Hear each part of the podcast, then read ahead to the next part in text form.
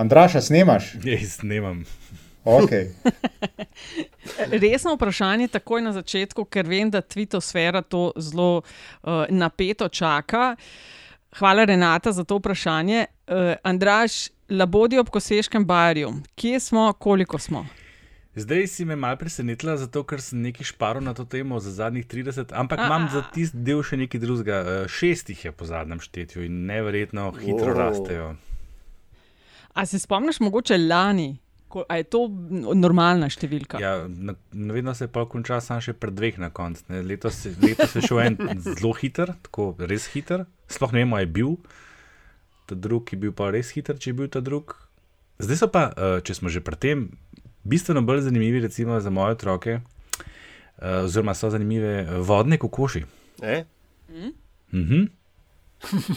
Vodne kokoši. Lušno, lušno malo bitje. Ja, res, res zgleda kot koš, samo da je na vodi, pa mislim, je drugačna. Ampak eh, so pa ti mladiči, so pa taki res, res mečkeni, ker te labodi mladiči so že v štartu take generacije. Mislim, če, vas no. zanima, če vas pa zanima odmik od uh, pernatih živali, potem pridite pa v Koper, kjer se lahko v izobilju nagledate nutri.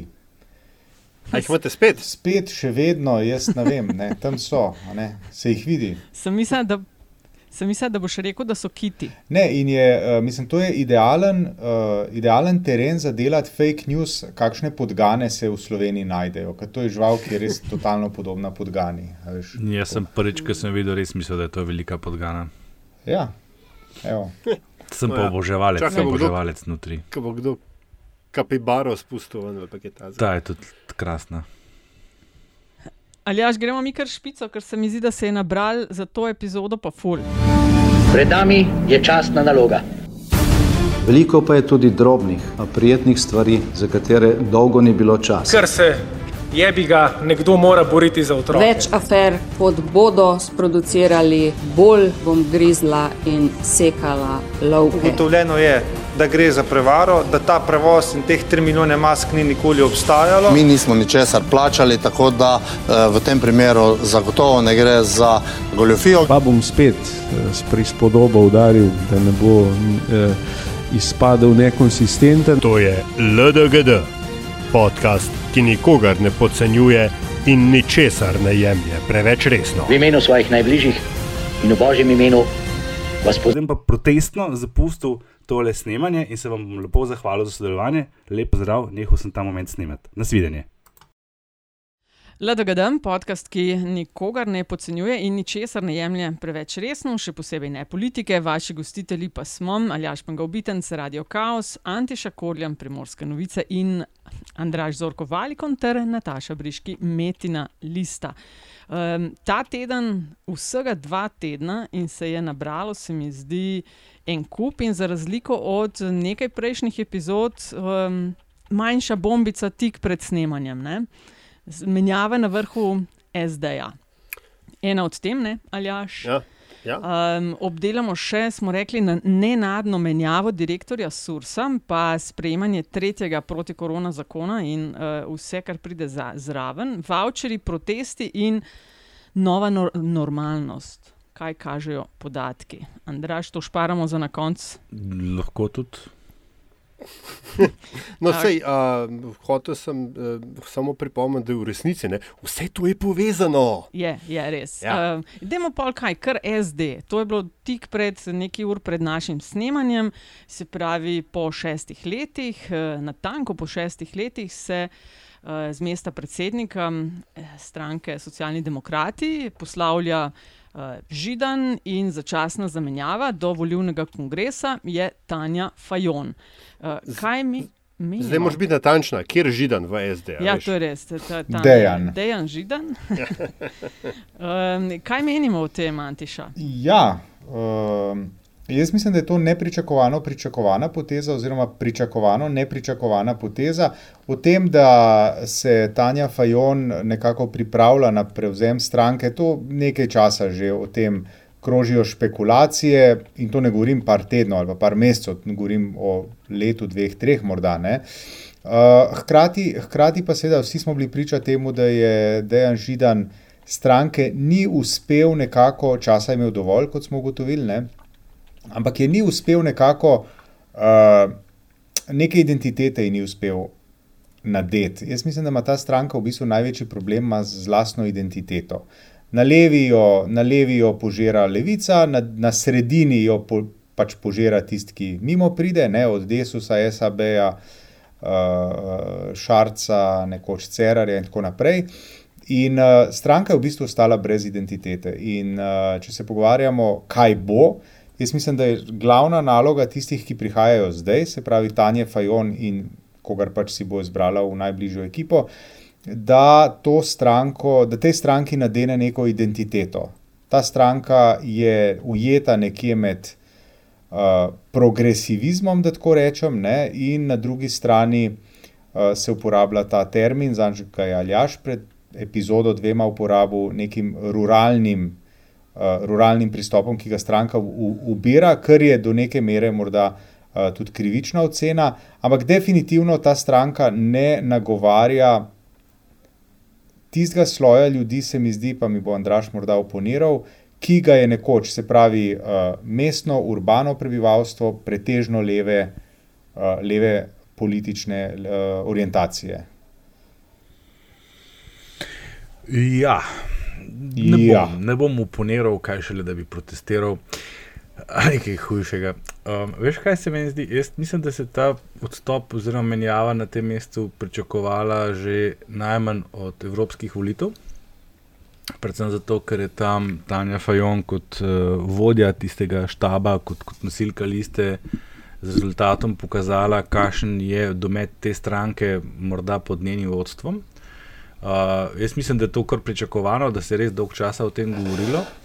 To, kar si ti omenil, drži, deloma, deloma bi še nekaj dodal. Mislim, uh, stranka je izgubila identiteto, se je v bistvu izgubljala vse, odkar se je pojavila levica.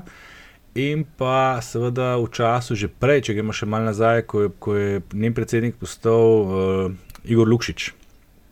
Takrat je šla ja. ta stranka navzdol.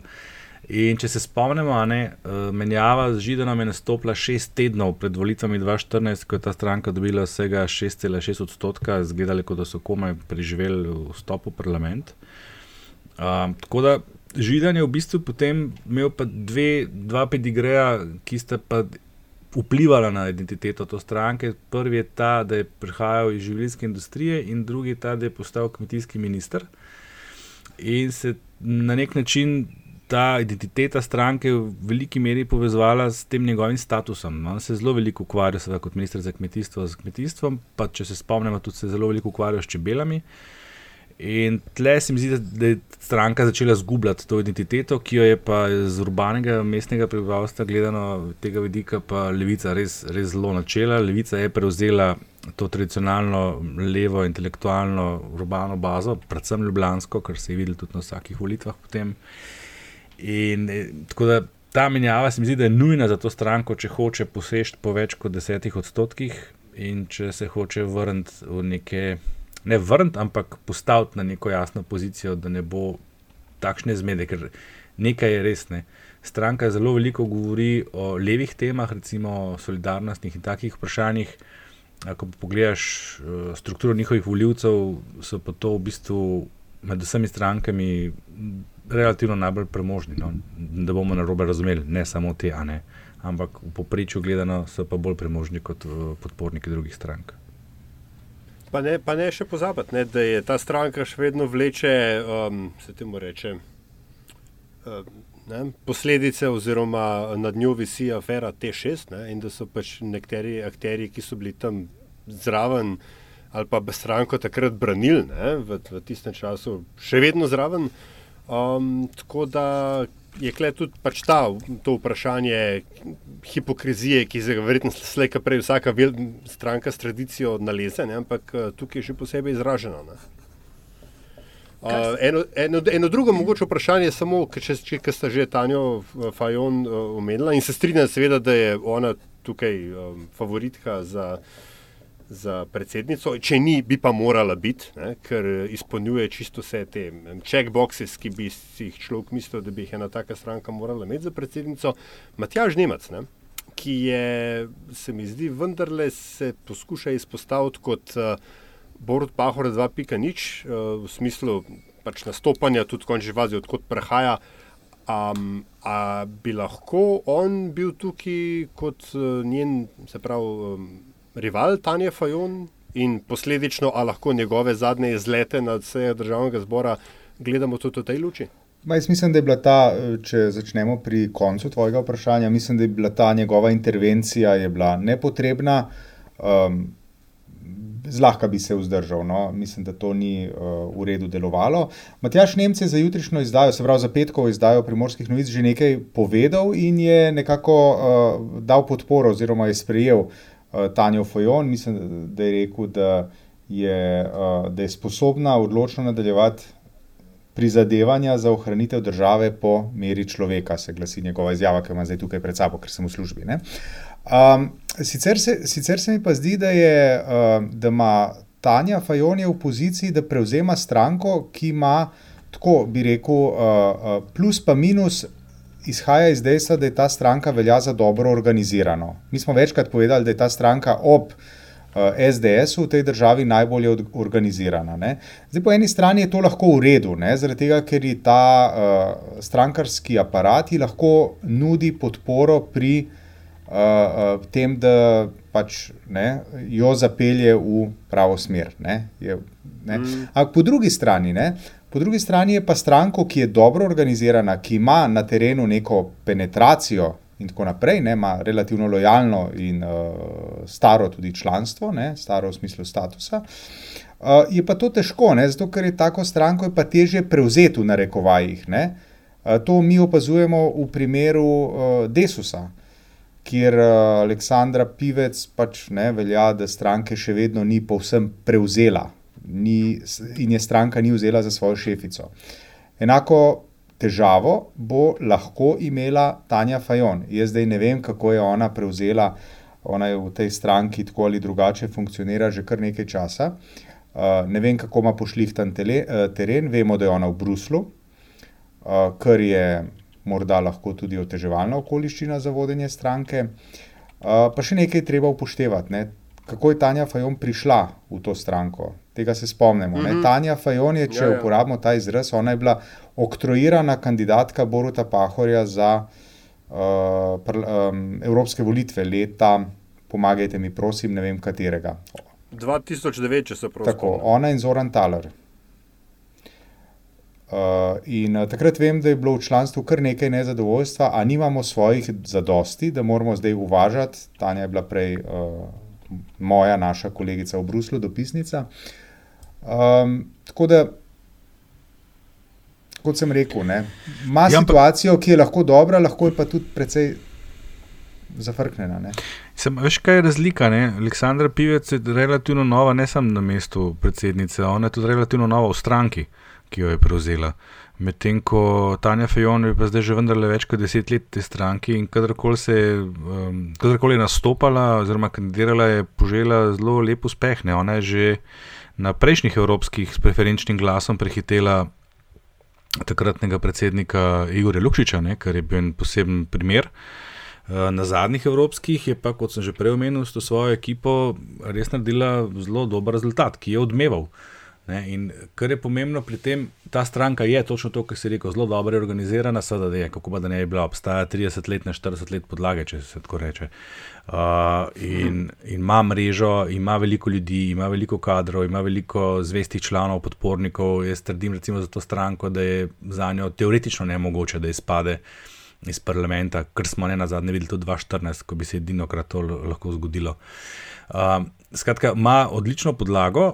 Je pa pri strankah tako, da vodja je tisti, ki jo navzven definira za svojo pozicijo. Tako kot je Židan to stranko zapeljal v neko bolj ruralno smer, če tako rečemo, s svojo percepcijo, jo lahko ona uči z drugo, ne bolj urbano.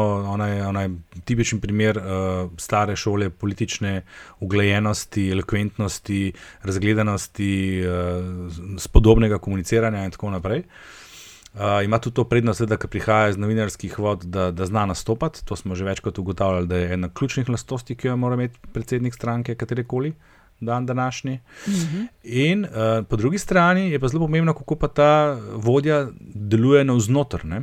Po vodji se seveda organizacija pozna. In tle sem pa spet spomnil na te evropske volitve. Ne. Tam je očitno zelo dobro uspelo aktivirati, organizirati ekipo, ki je sledila, in uspeh ni, ni umankal. Ne.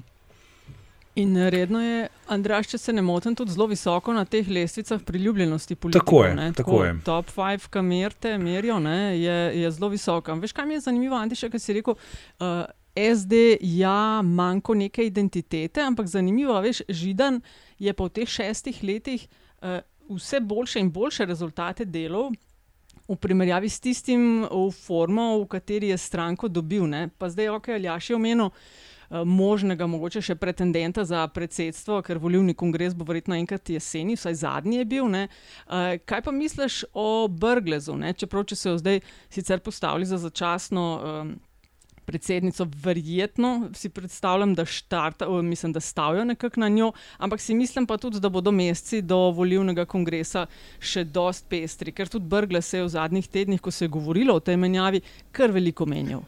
Ja, se omenjal, ampak jaz ga nisem prav zasledil, da bi, no, ne na zadnje se je tudi Tanja Fajon ni prav izpostavljala zdaj v zadnjem obdobju. Um, se mi zdi, da Brgles je vendarle manj izpostavljen, če ga gledamo iz Ljubljane, kaj se dogaja v Bruslu, uh, kot Tanja Fajon. Tanja je v Bruslu v bistvu kar nekaj uspehov doživela, ona je imela tam je bila poročevalka za nekatere teme, mislim, vodja nekih odborov, se je sprofilirala, bi rekel, v Bruslju. Ona ni neprepoznavna slovenska europoslanka. To verjetno se strinjamo okrog tega in to odražajo tudi meritve, Mhm. meritve podpore. Za Brgleza se mi zdi, da je eno leto od uh, evropskih volitev, on še ni si te um, evropske identitete, se mi zdi, da si še ni izpostavil. Mm, mimo, kaj pa čisto, če malo zašpekuliramo, ne? uh, ali bo imel uh, neurad predsednika republike kakšno neuradno vlogo pri izbiri ali, ali pa odločitvi o tem, kdo je favorit za šefa ali šefico SD-ja? Poznavajoč način razmišljanja uh, Boruta Pahorja, mislim, da se bo on zelo potrudil, da bo dal zelo jasno vedeti, da s tem nima nič. Sta pa oba dva mal njegova, ne? Nemc je imel v narekovajih, seveda, ne, Eh, dobro, Nemc zdaj Brgles, ampak Nemc je pa njemu delal? Ja. Fajonova je pa z njim takrat eh, prvič postala kandidat. Ja, on je, kot sem prej rekel, on je Tanjo Fajon uh, v narekovajih oktroiral stranki uh, socialnih Ja, demokratov. ja, ja. ne, kan- In takrat, takrat, mislim, takrat se je izkazalo, da njegova izbira ni bila slaba. Ker takrat, če se ne motim, so bili Mhm. izbrani Borut Pahor, Zoran Taler in Tanja Fajon z liste SD. -ja. Se pravi, Tako takrat je, on, takrat je on se zelo potrudil, da ne. Uh, in mu je uspelo, no? je bila presoja uspešna. Čak, ne, dva, oprost, 2-9 je bil, je bil Borut Pahor premijer, tako da dva sta bila, ne, prav Fajon pa Taler. bil premijer takrat, se pravi, čujem. Ja. Tako, potem pa je ta so talerje dobili z Tako. roko v kozarcu marmelade, pa je mojca kleva. Tako, tako, jasno tako, je tako. Kekoš prišla Tako. noter, Ja, ne. Ja. ja. Mogoče pa le dobimo eno veliko stranko, ki ji bo predsedovala um, tako za stalno ženska. A gremo na tretji Ne moreš prosti- tako grdo govoriti o ostalih velikih strankah, kot sta Sabi in Desus. Sam res. Ne, sem veš kaj, je pa to zelo dobro vprašanje. ne. Uh, imeli smo že več primerov, ne moramo reči, da ni žensk v slovenski politiki in še mm. -hmm. nobeni izmed njih ni uspel veliki met. Definiraj- stranke. definiraj veliki met. Porinjava naprej, takrat, ko so težave. Ne? Čakaj, kaj to Kaj je veliki met? V smislu, da bi s, kot vodja stranke presegla 10 odstotkov. Aha. A veš, No, ampak ne, če- to če pa- če pa recimo govorimo- uspel Ljudmili Novak, uh, tudi mislim, da Aleksandri Pivec ne, ne bo uspelo. Ne? Ampak Ljudmili Novak je po drugi strani je pa uspelo tisto, kar Dejanu Židanu ni, in to je dati stranki neko identiteto in neko pozicijo. Ja, ampak razum- a veš, mislim- nič niso imeli od tega, ne, to hočem Ampak povedati. cifr pa ni bilo, ja, to je pa Ja. drugo. Ne? Na volitvah se Ja. to ni pokazalo. ne. Mm. A gremo na tretji protikorona zakon. Ali jaš ti vem, da si manjš roke uh, uh, zaradi dogajanja v parlamentu, ki je zelo žvopa na poskok. Ne? Ja, jaz moram reči, da se pravi, pač na hitro, ne, če povzamem, kot vedno. Um, drugo branje um, tako imenovanega hashtag PKP3 se je začelo, te uradne kratice, jaz za živo glavo se ne morem zapomniti, ker ima velik črk. Um, Skratka, drugo branje je tisto vsebinsko delo, kjer odbori, različni odbori presejajo um, to vrstne zakonodajne predloge. In ker je to še eden v vrsti teh uh, kao ultranujnih zakonov, ki tako na počes spreminjajo vrsto drugih zakonov, uh, zaradi česar se potem pravniki za glavo držijo, uh, so seveda hkrati, tako kot vsi odbori v parlamentu, upreženi v to delo in je dela veliko opozicija pa zdaj opozarja, da so tudi v tem protikoronskem paketu določila, ki z izhodno strategijo iz epidemije nimajo zveze in da so pač tam noter nekako porinjanja za to. Da bodo sprejeta pač pod grožnjo, če ne boste tega potrdili, potem tudi pomoči gospodarstvu ne bo. Po drugi Pozicija, se pravi koalicija, pa vije roke, ne češ zmanjkuje nam časa, dajte vendar pomisliti na vse ostale, ne se samo ukvarjati z dnevno politiko in nabirati poceni politične točke. In potem se zgodijo situacije, kot eh, je bila recimo zdaj, eh, se pravi, Nemec versus Stanko.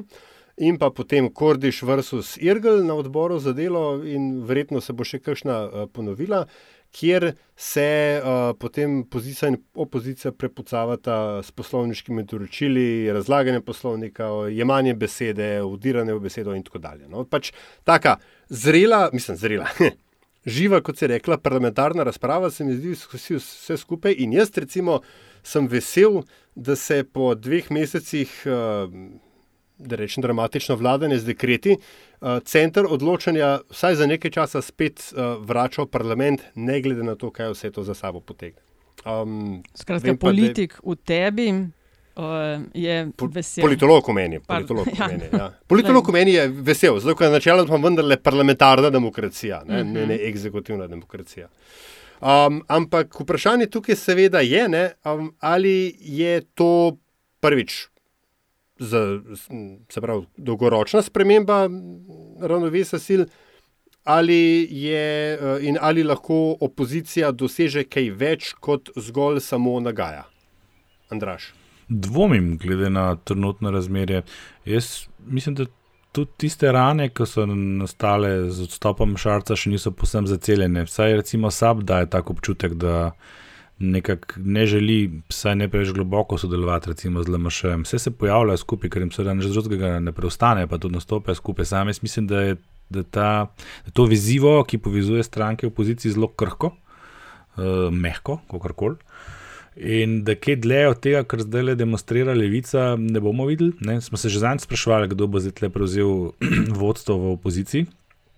Pa sem jaz takrat rekel, da se mi zdi, da SD prevzema to vlogo, ne? zdaj se to kar krpko spremenja. Zdaj, zdaj bo imela SD predsednico, ki ni v državnem zboru, za razliko od uh, uh, ostalih treh strank v opoziciji, uh, oziroma celo za razliko od vseh, ne pravzaprav, če štejemo ministre.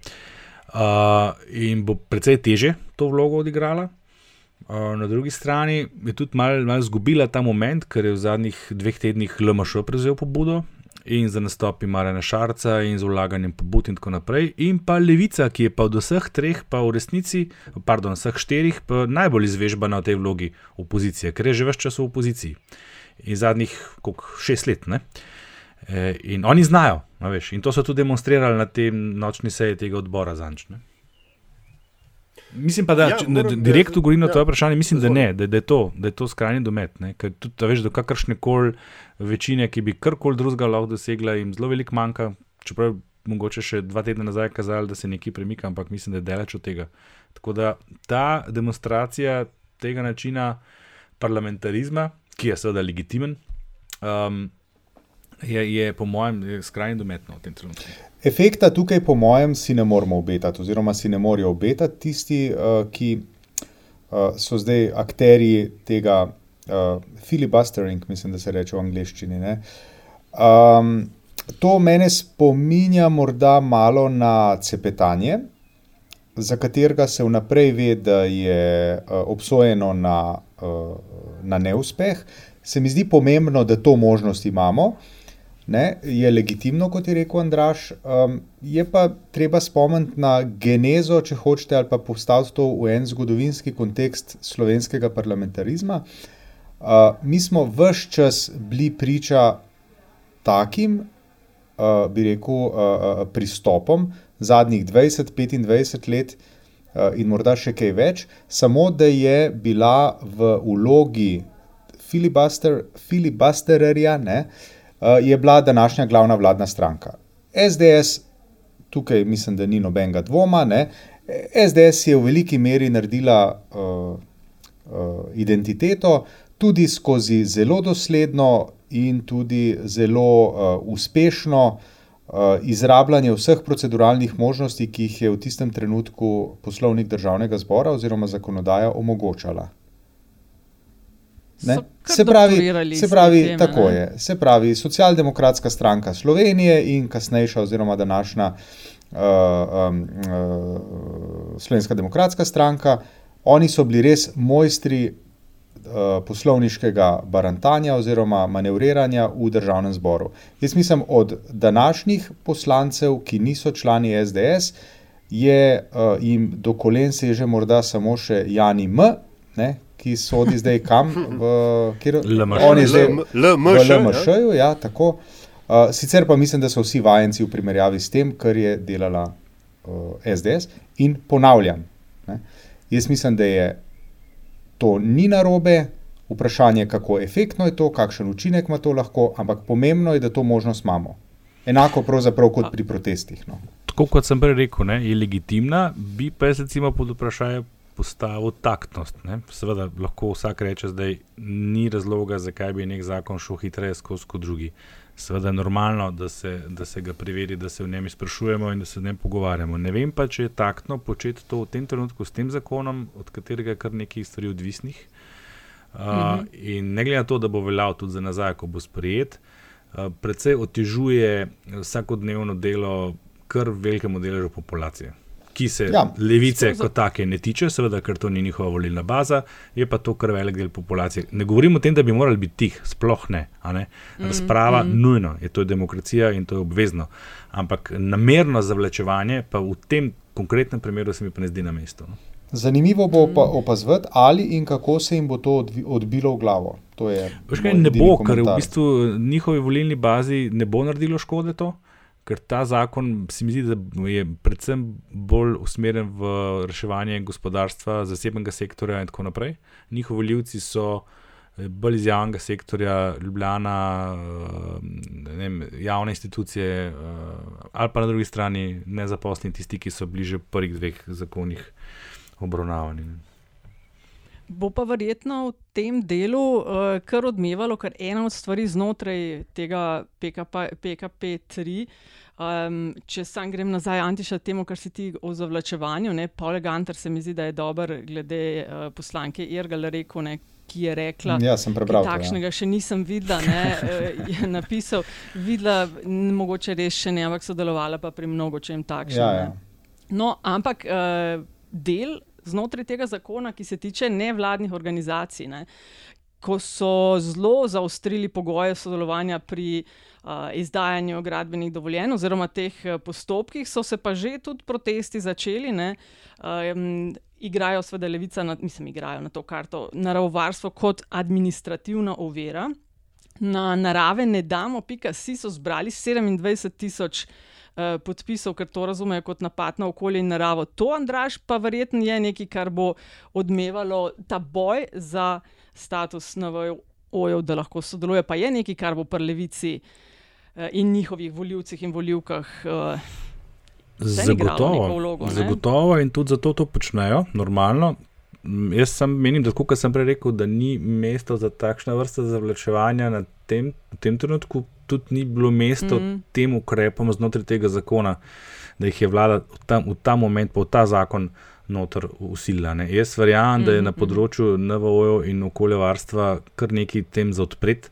Uh, ker vemo, da so se dogajale stvari v preteklosti, ki so zavirale razvojne, razvojne projekte, pa morda niso bile vedno upravičene samo iz okoljevarstvenih razlogov, ampak na vsak način uh, uh, temo odpreti, ja, ampak zakaj je to v protikoronskem zakonu, pa verjetno res nobenemu ni ja. jasno, razen da ga hočejo čim prej to skozi spraviti, jasno.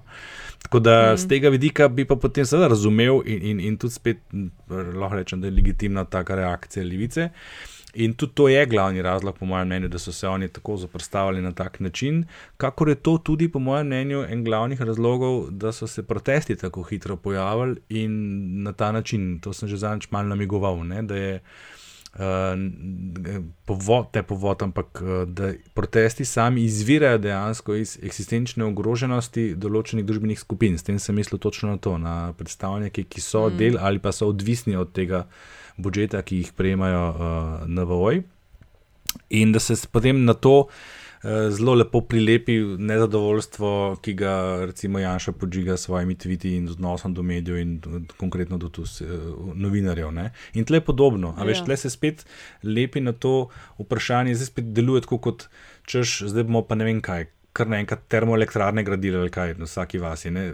Zagotovo ne. ne? Uh, Mm, ja, za ustrojitev je pač... res kar, pa do konca 21, mislim, da so to glavne, uh, itak, okay, glavne znotraj tega. Ampak kaj pa voucheri? A gremo na vouchere, Antiš? Če lahko, jaz bi tukaj samo ja, prednji gremo na vouchere, sam ni, ni, neki, neki upozoril, ne, spomnil na tretji Newtonov zakon, ne, da ima vsaka akcija svojo protireakcijo, čeprav se včasih ne zdi tako. Tisto, kar je presenetljivo, je, da se je to sploh zgodilo tej vladi, s to stranko na čelu. Kaj? Ravno zato, tega, ker pač ta, da, spravi, da so dovolili situacijo, v kateri jim lahko levica diktira tempo ali pa opozicija nasplošno. Na Ravno zato iz tega naslova, kar je Ante še prej omenil, da so oni mojstri poslovnika. Veš, to so stvari, tukaj je vlada naredila taktično, bodi se napako, bodi si enostavno zmanjkalo časa. Jaz sem mogoče celo. Um, Misliš, da je to oji? Ne, vlada. Ne, ne, ne ampak kakšno napako? napako časovno. Glej, ker ta, zato, da bi, da bi se kle levica lahko zdaj, ali pa opozicija, da bi se lahko spluvala, pa razpihala, pa da ne bi bilo nobenega efekta, bi moral biti ta zakon en teden prej v postopku. In tudi načrtovano je bilo, da bo en teden prej v postopku. Ne? Pa zdaj, ali so oni mislili, da bodo prisilili zdaj z opozicijo ravno s tem, češ preveč pomemben zakon je, da je tega sred ne motiti?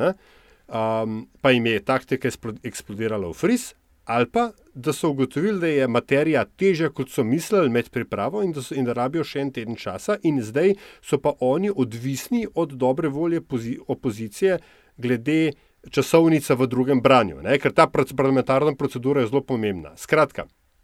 Kaj hočem reči, da so se uračunali pri tej časovnici in da seveda si ne bodo v prihodnosti več dovolili česa takega. Tako da, ne glede na efekt, ki morda tukaj bo, in se strinjam, da so to pomembne teme, ne zdaj računati, da se bo to zgodilo z vsakim tovrstnim zakonom na vsaki seji. Ne? Tako da, to je mal posebna situacija. Um, voucheri. Voucheri. A že vemo, kam gre Mantiša? Kako je to sprejeto na vašem koncu? Uh, z nekaj upanja. Mislim, tako pač ljudje, uh, oziroma podjetniki, so s tem zadovoljni. Uh, zdaj, ko je jasno, da bodo lahko, uh, se pravi, da bo to možno porabiti tudi uh, za potrebe najema, recimo stanovanj, apartmajev in tako naprej, je nekaj več zadovoljstva. Ta industrija je tukaj kar močna. Uh, sicer pa, ne vem, bomo videli, ne? mene z nekaj malega skepse oziroma nezadovoljstva me že navdaja to, kar sem mislim, da včeraj videl. Ne? Neke terme ponujajo, če plačaš v kešu, je tok, če plačaš pa z boni, je pa to uh, ne, par sto evrov več. To se mi zdi pa tako. Uh, takojšen poskus obiti oziroma mal pogulfati, pa ne vem čisto dobro zakaj. To je tudi zelo. Zgodbo zelo kratkoročno razmišljanje to vrstnega ponudnika, jaz ne vem, kaj jim roji po glavi. Jaz to nimam pojma. Ne? Si ne predstavljam gosta, ki bi lahko rekel: A ja, ok, v redu, vi ste pa zaradi tega ne vem kaj. Mislim, hvala lepa na svidenje, se ne vidimo nikoli več. Je pa, je pa, je tako, pa tudi Kacin prej že javil, da vlada ne bo dopustila to vrstnih manipulacij. Kaže pa to, mislim, se da to interpretirati tudi kot uh, uh, precejšnje nezaupanje tega ponudnika v samo schemo. Jaz sem na to pomislil, da pač preprosto ne zaupajo, uh, da bodo ta denar kdaj videli. Ne? No, jaz si zelo dobro tem odprl. Ne? Zaupanje, ključna beseda zadnjega obdobja, pa ne samo zadnjih dveh mesecev, nasplošno. Zaupanje. Ja, se pravi, ti voucheri bodo vsi polnoletni za 200 evrov, ne, stalnim prebivališčem v Sloveniji, otroci 50 evrov, bodo pa boni prenosljivi v familiji in izkoristiti jih bo treba do konca leta. ne. Za, Čak, kva, kva, do konca leta ali kaj? do konca Ja. leta, ja, tako so rekli. In vnovčilo se jih bo lahko za plačilo nočitve oziroma nočitve Z zajtrkom. z zajtrkom v nastanitvenih objektih. Najprej se je o hotelih govorilo, ampak eh, so zdaj to pojasnili, dodali. Dopolnili, sem pridejo vsi turistične kmetije, kampi in uh, tako dalje. No. Tok, da, Ej, sorry, a kdo ve, ampak kaj se pa s temi voucherji, okay, recimo jaz grem pač za, ne vem, gospod Pelem v Kempinski na polnoči, ne, ker glihe ne to, kot bo ta voucher znesel. Uh, ampak kaj pa pol Kempinski s tem naredi? Ali pa ne vem, Ne, on da, da, saj ti, ti ne daš, veš, ti ne daš, uh, ti ne daš, ti ne boš v bistvu dobil nobenega papirja. ne. Na Tvoj, ti se boš z davčno številko se boš izkazal in oni bodo ta denar tako, ja. Pač nekako počrpali v, od Furs v Fursa v osmih dnevih. se mi zdi. Ne? Tako, Ja. ja. ponudniku Tako. Nakazal vsoto, s tem, da ni pa, ni pa Tako. vračil, ne. to moraš pa tudi vedeti. Ja, ja, ja, razumem. Pač Če stane ko 100, naučiš bo šlo dve, vo- bonge do celoti. Tako, Ja, ja, ja. Vse to je dosti Ja, pametno. tako. Ja, ja, ja, se to je zelo pametno. Ja, ja, to je seveda, ja. To je pametno, ker stimulira človeka, sploh pa slovenca, ki bo hotel vsak cent porabiti. Ne boš pa mogel točno na 400 ali pa 500 evrov zaokrožiti, ne, da bo porabil mičken več, kot mi sicer. to je zelo A veš, kaj se meni? Veš, veš, kaj se je zgodilo? Take bojo ponudbe, polk, um, klele, ki imajo ne, zaposleni na evropskih inštitucijah, ki imajo določeno dnevnico za nočitev, ne, mislim, posebej, mislim, imajo fiksno vsoto, in pa imajo hoteli samo za njih posebej ponudbo za točno do te vsote. a To je Ja, to ja. redu. lej. A veš, kaj se mi zdi škoda? Da niso vse, ker gre za pomoč turizmu, ne? da niso mogoče na nek način poskušali vklopiti zraven tudi kakšne ne vem, muzeje, oglede in tako dalje. Veš, da bi tudi to. Kot sem jaz razumel, enako velja za smučarske karte, ki niso pocena. ne, In, ampak kot sem jaz razumel, je to zaradi tega, ker uh, te dejavnosti oziroma ponudniki, se pravi žičničari, kultura in tako naprej, dobijo, oziroma naj bi dobili um, pomoč po neki drugi poti. Aha. Ja. Um, a je to trenutek, ko lahko gremo na menjave, paket menjav? Uh, Ker se A tudi ja, prestopni rok, voucherjih se ja, ja, govori ja. že, Prestopni kdo bo menil. Veš, so rekli, da če ne bi na, na sorodnike omejili, da bi zdaj bila boha že polna voucherjev. uh, ja, le v zadnjih tednih, kar se nismo videli, sta bili že dve konkretni, dva poslanska prestopa, ne? Medrendorfer iz SMC-ja v LMŠ, pa Gregor Židan. Um, Iz SMC-ja v SD. Včeraj, torej v četrtek, se je govorilo o prestopu poslanca Kramarja iz Saba, se še ne ve, ali med nepovezani ali celo uh, v Desus. Aktualno stanje koalicije je 46 in opozicija 42, s tem, da z, s koalicijo ponovadi manjšinca tudi uh, volta. Ampak smo rekli, da bomo pa mi pa omenjavi na Sursu, ne rajš. Oziroma, če želi kdo to komentirati. Um, Ja, menjava Andraž, je, Surs, ne. Andraž je kar čutil veliko Ja, tega. ja. ne. Na dopisni seji vla, je vlada zamenjala direktorja Sursa in to potem, ko je bil eh, na petletni mandat imenovan avgusta 2019. Prvič v zgodovini Bojana Nastava so zamenjali začasno eh, z Tomažem Smrekarjem. Andraš, izvoli. Ja, ne, tle sem se zdrznil, tako kot se mnogo kdo zdrzne že pri kakšni drugi menjavi. Ne. Z razliko od njih se recimo meni menjave na, na čelu policije, vojske, sove zdijo posebno normalne po vsaki menjavi oblasti in tako je tudi vedno bilo. Ne. Surs je pa ena druga zgodba, sicer po istem zakonu in imajo vso pravico, če sem prav razumel, čeprav je pravnik Pirnat rekel, da ni čisto tako, da bi morali neko drugo pravilo tu upoštevati.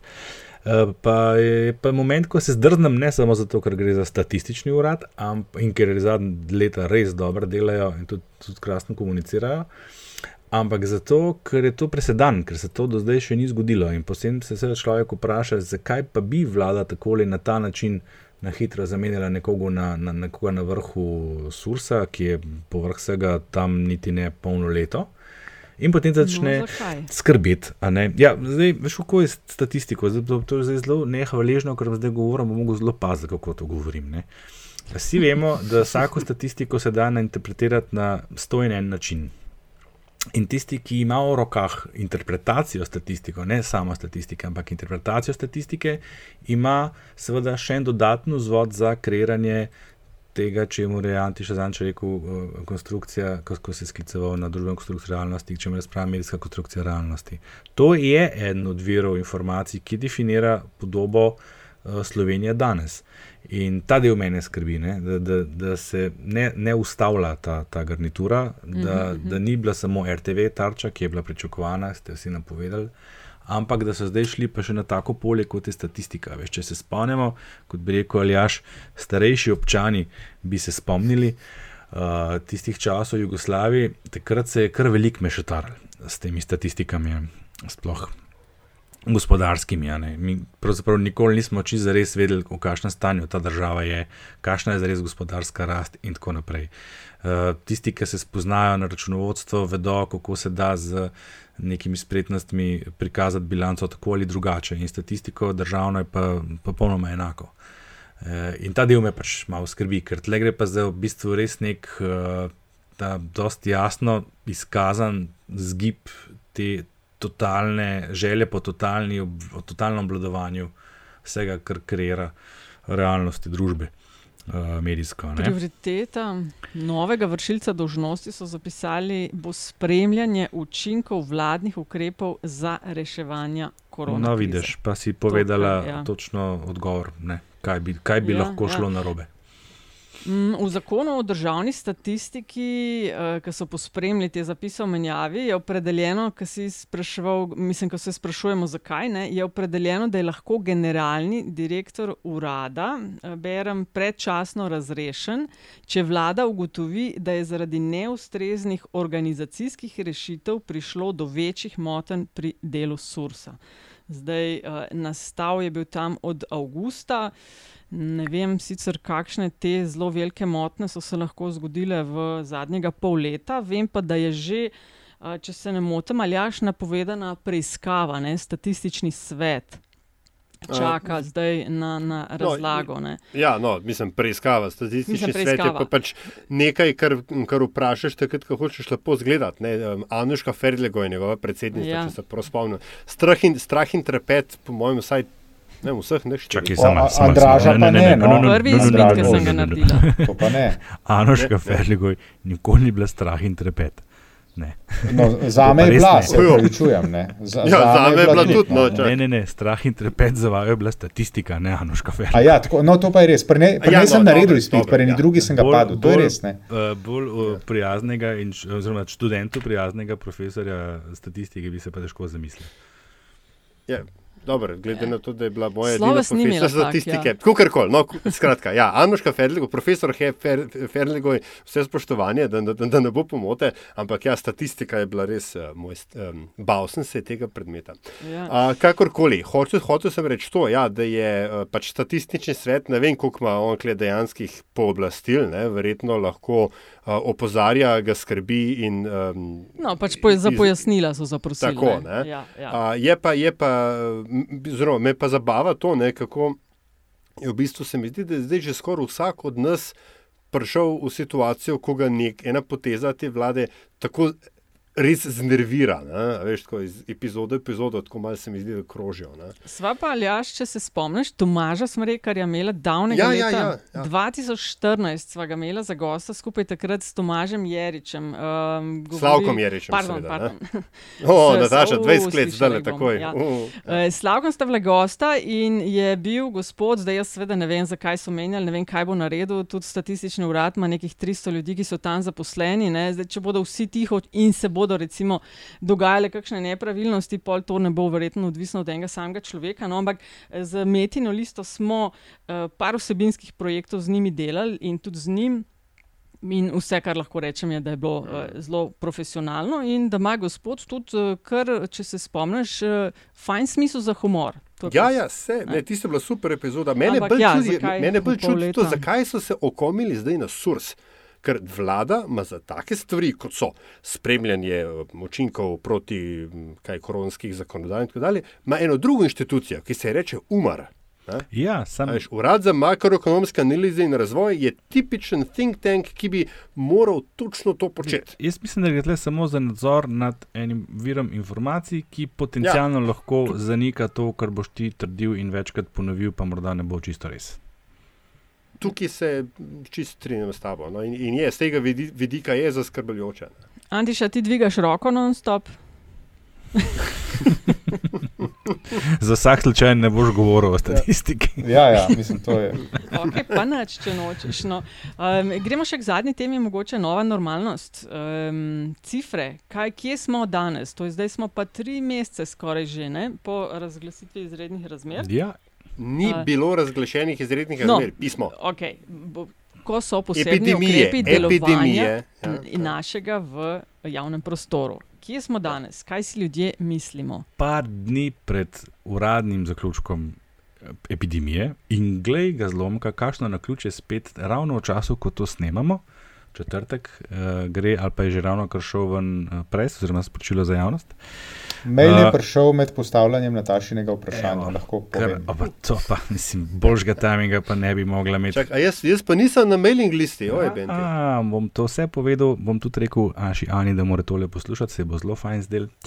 V glavnem, uh, danes prvič ugotavljamo, da je šla zaskrbljenost pod 50%, ampak na drugi strani smo pa spet bolj nezadovoljni z ukrepi za zaezitev, spet čez 40, kar opažamo je neko nihanje zadnje tedne. Uh, gore dole, uh, s tem, da se am, te amplitude počasi tudi uh, ožajo. Skratka, gremo iz nekega iz ekstrema v ekstrem, pride neka sprostitev ukrepov, kot je, bila, uh, od- kot je bilo odprtje šol in vrtcev, in je bilo nekoliko negotovosti, nekoliko strahu, mogoče malo skrbi, oziroma obratno, kaj bo zdaj to prineslo. Mine en teden, vidimo, da se ni nič zgodilo, se stvari spet sprostijo in smo spet bolj kritični do ukrepov, in smo spet manj zaskrbljeni, in tako naprej. Kar pa je zdaj spostavil danes, sta pa še dve zadevi. Prva je, da je občutno zraslo število ljudi med redno zaposlenimi, ki jih je strah, kaj bo z njihovim delovnim mestom, in to je zdaj vsak četrti zaposleni. Zraslo je tudi, uh, zraslo je tudi delež tistih, ki poročajo, da imajo večji obseg dela, kot so ga imeli prej. Na čakanju je sicer še vedno ena osmina redno zaposlenih. Uh, skratka, delovno mesto se uh, spremenja in to temeljito, ne samo z vidika psihičnih pritiskov, v smislu prevelikega obsega dela, strahu na drugi strani pred izgubo, ampak tudi seveda z, z- vidika vpliva oziroma oblike dela, fizične oblike dela, se pravi dela od doma, uh, kar nekaj podjetij. Kot slišimo, to ni iz raziskave, uh, ostaja pri delu na domu, tudi pri nas, tako med drugim, ne vsi, ampak tisti, ki lahko. Skratka, mislim, da, da po tej plati zagotovo nič več ne bo tako, kot je bilo pred epidemijo. Ko smo vsi govorili, da nič ne bo več kot je bilo, pa lahko zdaj malo omilimo, pa rečemo, marsikaj ne bo več tako, kot je bilo. Druga stvar, ki bi pa želel izpostaviti, je pa uh, pozornost, ki jo moramo upoštevati, oziroma jo imeti pri sebi skozi proroki, ko ocenjujemo razmere. Veliko ljudi, mislim, normalno opazuje eh, svet okrog sebe in sodi po tem, kar vidi.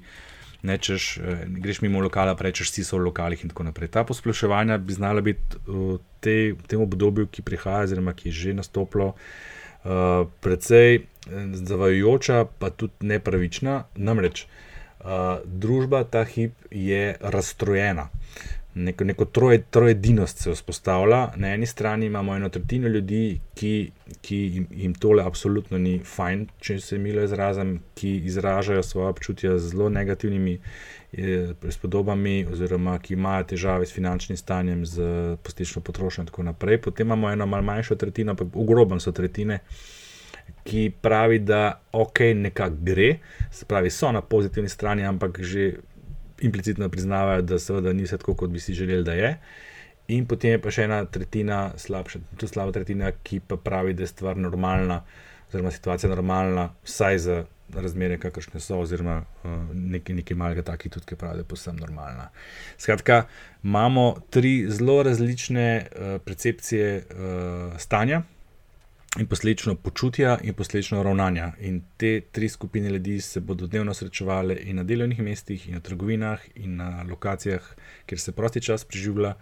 In to bo, po mojem mnenju, da je govori sociolog, iz mene tudi pustil določene posledice in tudi prinaša neke, ne, neke negotovosti. A ja, še nekaj, vem, sem bil zelo dolg. Veste, kaj smo tudi zmerali? Bonček. Ja, zdaj smo odprli vprašanje, oziroma smo rekli na Twitterju, postavite vprašanje, sicer je bil odziv eh, pompozno, famozno, ogromen. Dva sta poslala en predlog, ki je bil isti, pa še dva druga predloga smo dobili, ki jih pa sicer že merimo, en pa ni bil, ni bil relevanten. V glavnem smo zmerili, koliko ljudi verjame oziroma zaupa znanstvenikom in strokovnjakom. V, v, sem vedel, da boš takoj reagirala, Nataša. Uh, v, v primeru razlage uh, pojava virusa, in sicer je rezultat tak, da dve tretjini jih bolj zaupa kot ne, ampak s pridržkom, namreč med temi dvemi tretjinami. Velika večina se je odločila za odgovor, do neke mere zaupam. Ta del mi je mečkaj zaskrbljujoč.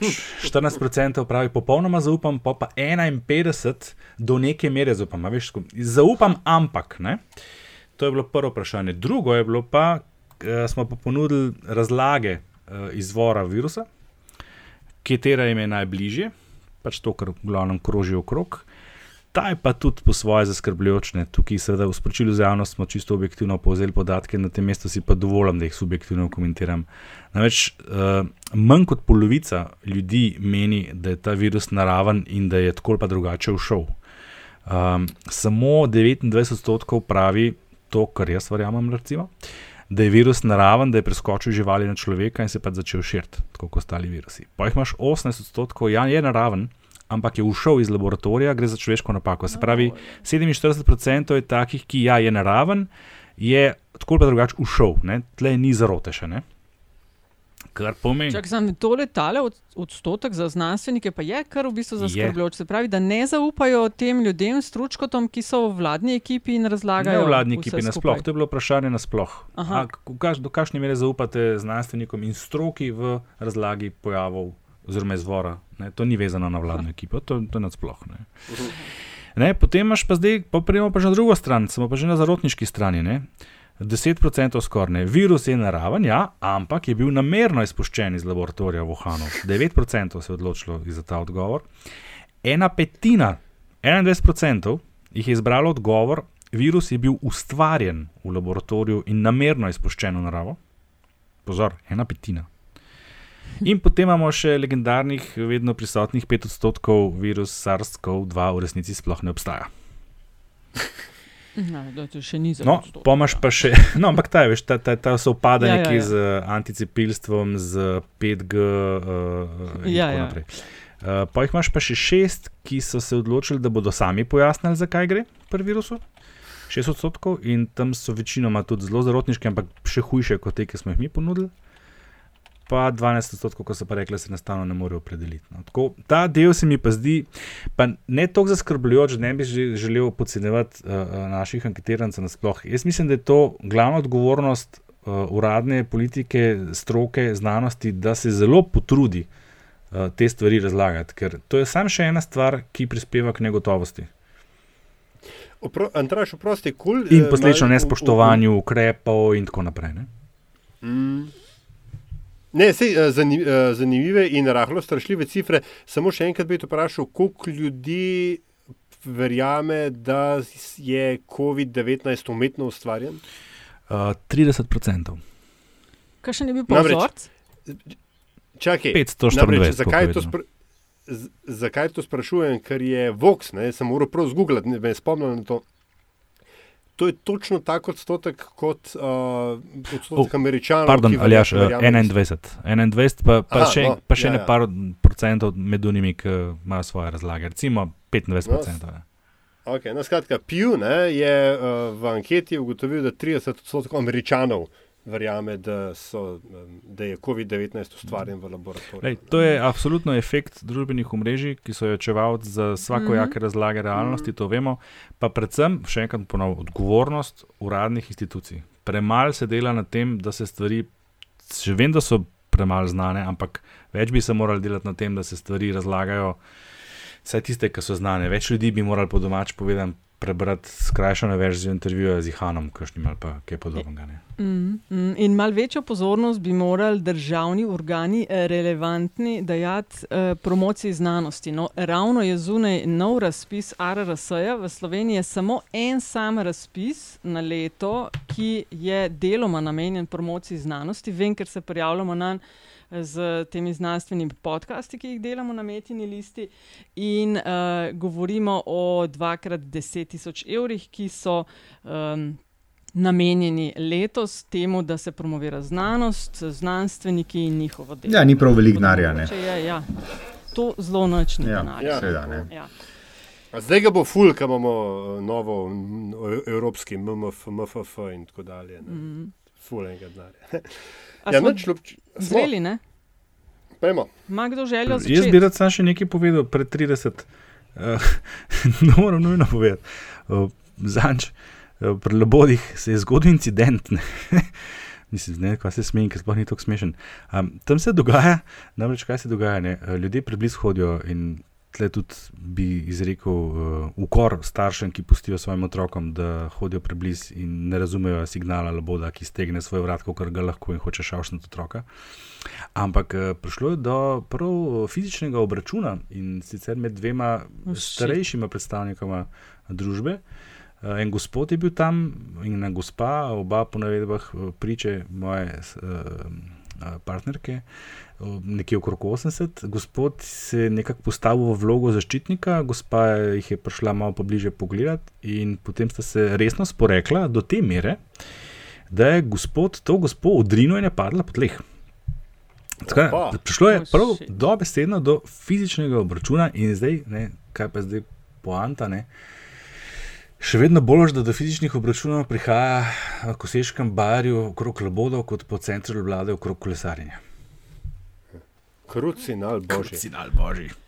No, lej, ki si pa glih kolesarjenje omenil, to je pa čist fajn mostiček, mogoče pa lahko jaz začnem. Evo. Z, no, zadnjih 30. Zadnjih 30 eh, v ozadju aktualnih protestov z balkonov na kolesa. V ospredje tokrat potiskam knjigo Kolesar, romaneskni prvenec kolega Marka Radmiloviča, med drugim imenitnega kolumnista v zapisih iz Močverja na valu 202. Deloma fikcija, deloma resnična pripoved, oboje pa se prepleta v zgodbi, ki sledi usodi slovenskega interniranca Janeza Goca.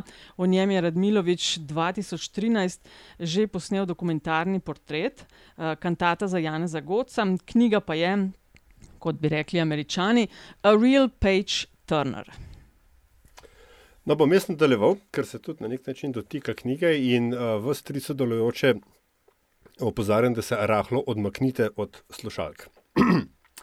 O, fredlene grumblajde, poscajne, zame bele, kloplurdne globčnike iz grumaste črebele, grotimte tu na moje bruntke pogravone, už da žebljano me zajdaš z grumbastimi drobulki, ali da te v te skrehnem trehno vuč, kar bo s čemulki. To, drage moje, moje je bila vogonska poezija iz Štoprskega vodnika po galaksiji, ki je tema novega podcasta z naslovom Opravičujemo se za vse neušečnosti.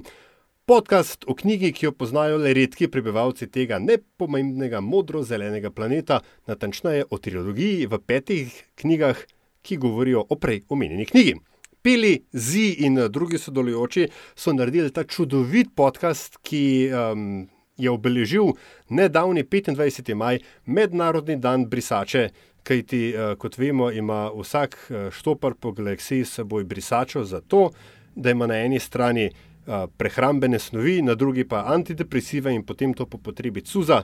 Um, vesel dan brisačev sem, podcast absolutno priporočam, čeprav je šele pri uvodni epizodi, um, fantje, kar tako naprej. Jaz bom svojih 30 posvetil tokrat pajzlom. Pajzli, kdo ne ve, kaj so, naj pogugla. To so institucija, pajzli so prostor, v katerem se odvija resnično življenje. Ne na zadnje je bil pajzel tudi Cheers iz meni tako ljube TV nadaljevanke. Namreč tam potekajo prave razprave, tam ni pačenja in poziranja in fejka in v bistvu se moramo bati trenutka, ko bodo še zadnji pajzli popustili pod pritiskom gostinske gentrifikacije. No, in pajzlom je posvečen en zabaven Instagram račun. In sicer se kliče Ljubljanski pajzli ali nekaj podobnega, in uh, jaz ne vem, kdo stoji za njim, to z veseljem gledam, zato to ni reklama. Uh, če pa nas posluša upravljavec tega računa, mu pa sporočam, ali pa upravljavka, da si želim pogostejših objav. Jaz pa zadnjih 30 sekund, posem iz glave povedano, posvečam vam trem, dragi moji kolegi in kolegica. In poslušalcem. Tisti, ki ste poslušali zadnjo epizodo, ste ne mara zaznali, da je nisem končal tako kot običajno, da sem abruptno prekinil snemanje in odvihral z prizorišča snemanja. Danes, posem po nesreči, nisem začel niti snemati, ampak to je bilo res po nesreči. Smo pa to na hitro razumeli kot kontinuiteto prejšnjega dejanja. Skratka, kar želim povedati je, da vse tiste, ki jih je zaskrbelo moje duševne zdravje, lahko potolažim, da z mojim duševnim zdravjem vse v redu. Uh, priznam, da sem reagiral nekoliko prenagljeno, se v tem primeru, predvsem vam trem in pa tudi poslušalcem, ki jih je otegnilo to prizadeti, iskreno upravičujem. Ne bo se ponovilo, ne bom rekel, zato ker nikoli ne reci nikoli, upam pa, da se ne bo. In pa poslušalki, ki je danes na Twitterju vprašala, ali je bojna sekira zakopana, še dodajam, ta ni bila nikoli niti izkopana, če sploh obstaja. Mečkan mi gre na jog. Hvala, Andraš, se upravičujem. Oh.